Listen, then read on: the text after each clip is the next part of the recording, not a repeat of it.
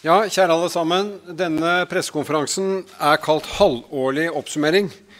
Men som statsminister så tror jeg jeg skal da kalle det en tomåneders uh, oppsummering. Det er den tidsregningen som gjelder nå.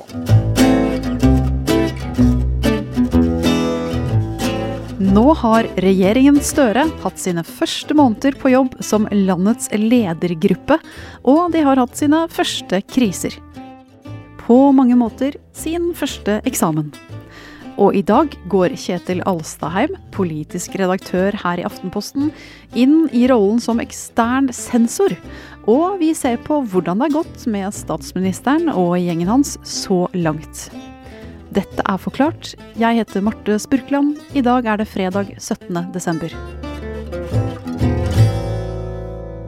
Ja, sensor Alstaheim. Du er jo særdeles godt rustet til å sette karakter i de ulike fagene som statsministeren skal evalueres i, etter to måneder i gjerningen.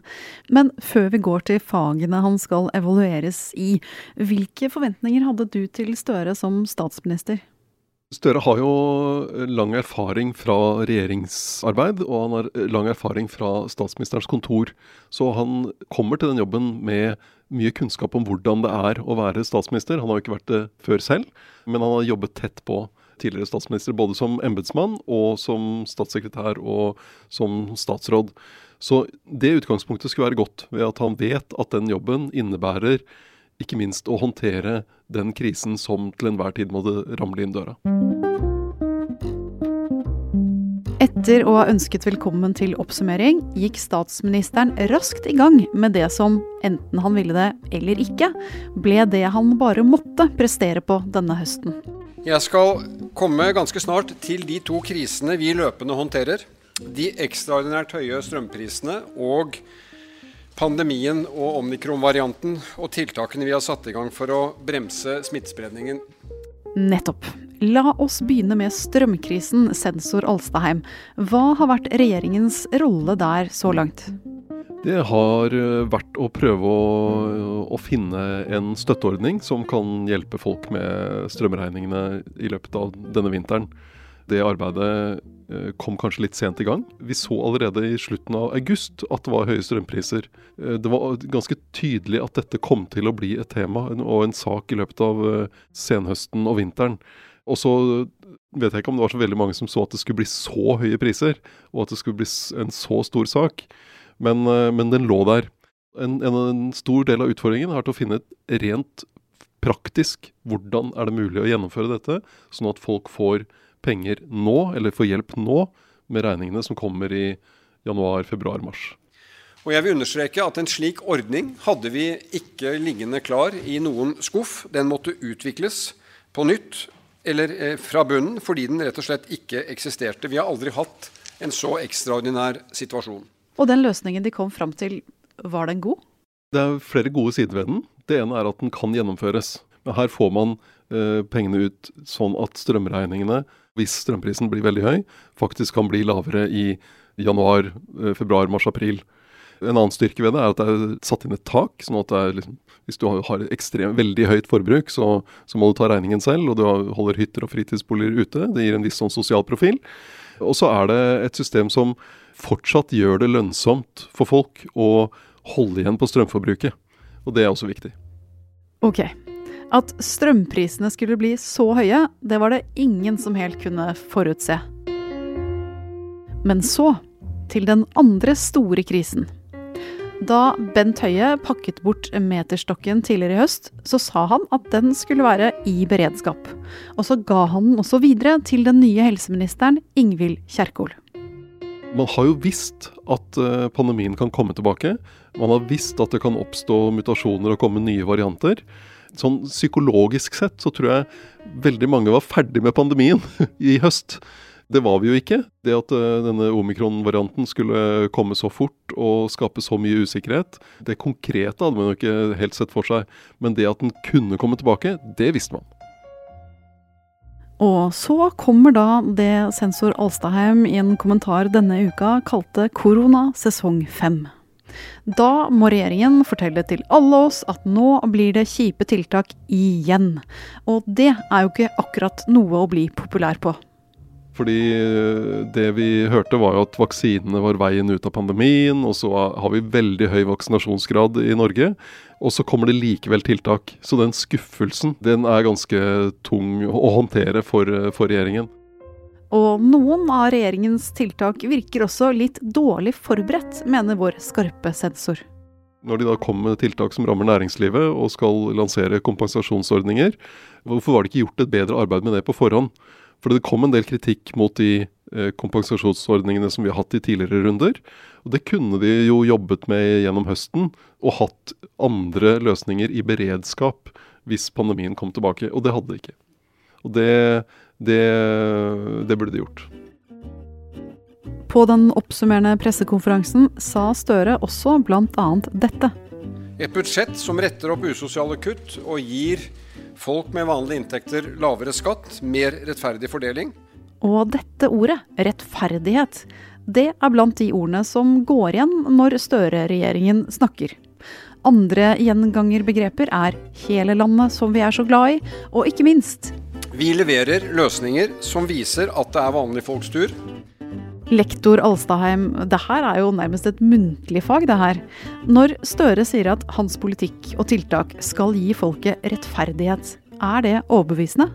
Jeg tror det vil oppleves ganske ulikt. Hvis du f.eks. er eh, ansatt i utelivsbransjen, har vært igjennom eh, flere runder med permitteringer før, og så plutselig kommer det tiltak som uh, i praksis betyr at uh, bedriften må stenge, og det går ut i en ny permittering og ny usikkerhet, så oppleves ikke det rettferdig. Altså Barn og unge uh, i sårbare situasjoner som nå blir sendt hjem til en tidlig juleferie, mens de burde fått vært på skole og i barnehage, det er ikke rettferdig. Det begrepet er veldig vanskelig. Eh, sånn som finansminister Trygve Slagsvold Vedum vakler litt i hvordan han snakker om eh, når det skal være vanlige folks tur, og hva det betyr. Så den begrepsbruken, den, eh, den er ikke konsistent, og det, jeg tror det vil oppleves veldig ulikt. Ok, da deler vi ut et klistremerke med gult ansikt og krøllemunn, og noterer at her er det muligheter for forbedring. Men hva mer skal vi dele ut? Det har jo vært en kjent sak at Støre lenge har drømt om å bli statsminister. Men så er det jo også noe som heter at du skal være litt forsiktig med hva du drømmer om, for det kan jo bli virkelighet. Er det der Støre er nå?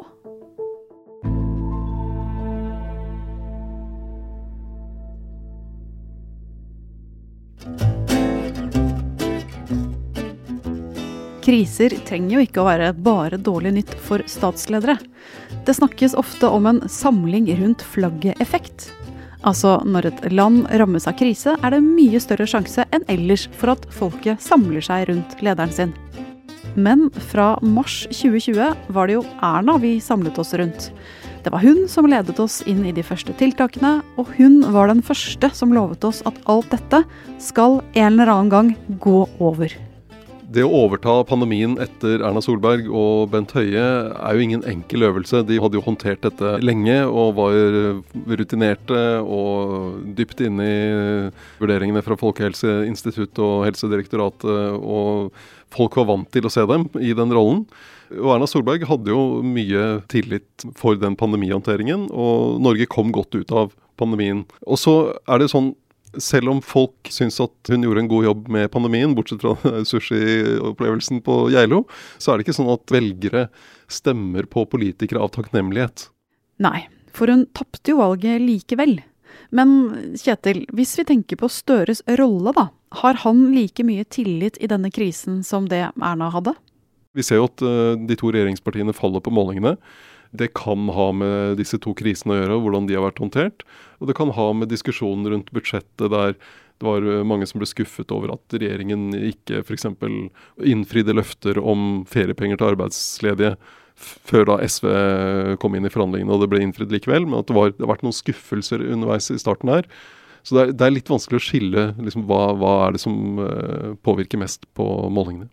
Er det noen grunn til å tro at krisehåndteringen hadde sett annerledes ut hvis SV var med i regjeringen?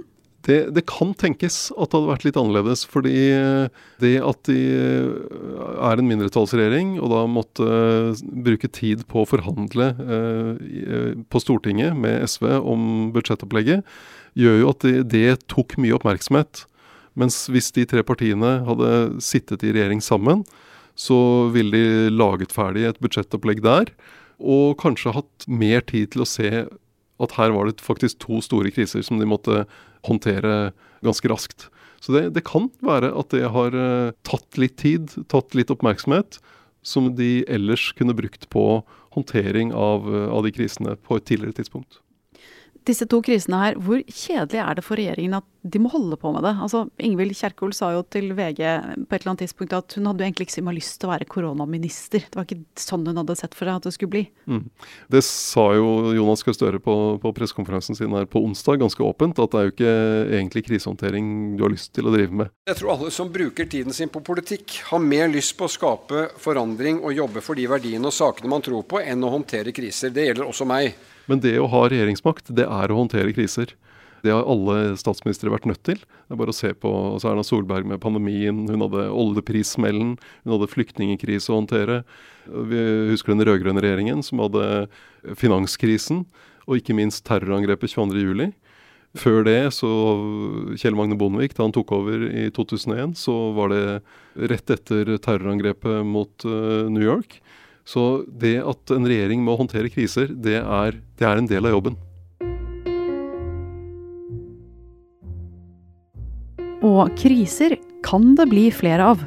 Iallfall ifølge Støre selv, som avsluttet eksamensfremleggingen sin på dette viset. Ikke for å skape en uh, bekymringsfull jul, men likevel. På vei inn i 2022 så møter vi en sikkerhetspolitisk situasjon i Europa som ikke har vært mer alvorlig siden 1989. Sensor Alstaheim, Støre sier jo at han ikke ønsker å skremme noen. Men jeg blir litt skremt av det snakket om krig. Hvorfor trekker han frem dette som sin god jul-hilsen til oss? Det, det, kom litt rart, vil jeg si. Han hadde jo akkurat da prøvd å bygge opp litt eh, at Norge er mulighetenes land osv. Og, så og så kommer han til slutt Og forresten, eh, det kan bli krig.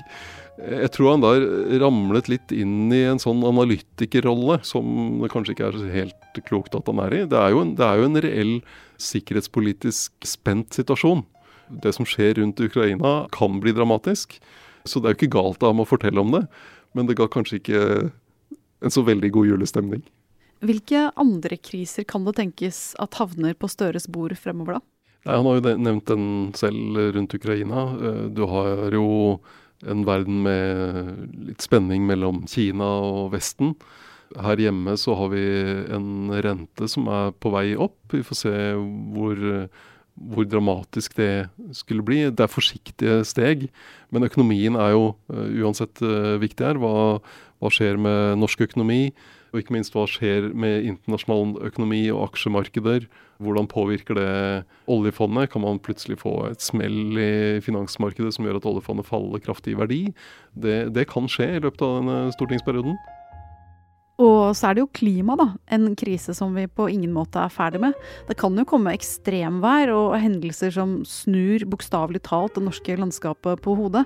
Og det kan komme ting som vi ikke engang klarer å se for oss akkurat nå. For sånn er det jo med kriser. Det er vanskelig å vite hva som kommer.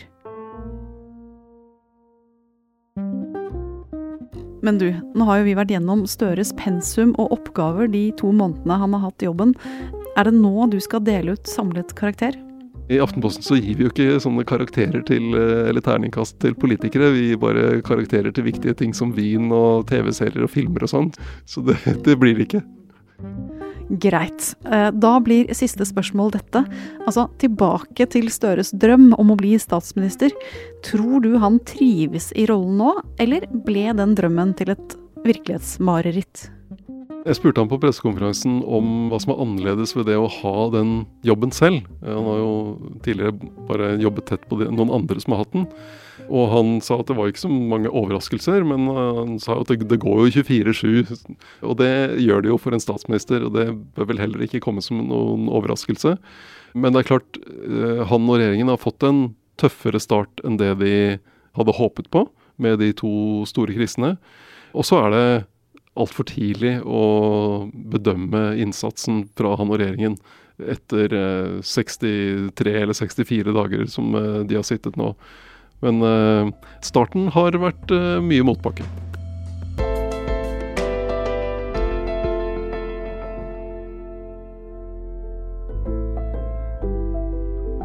Kjetil Alstaheim fortalte om status Støre, og nå tar han av seg den svarte sensorkappen sin og blir politisk redaktør igjen her i Aftenposten. Du har hørt lyd fra VGTV. Produsent Fride Nesten Onsdag og jeg, Marte Spurkland, laget denne episoden. Resten av Forklart-flokken er Thea Wold Lyster, Synne Søhol, Anne Lindholm, David Vekoni og Anders Weberg.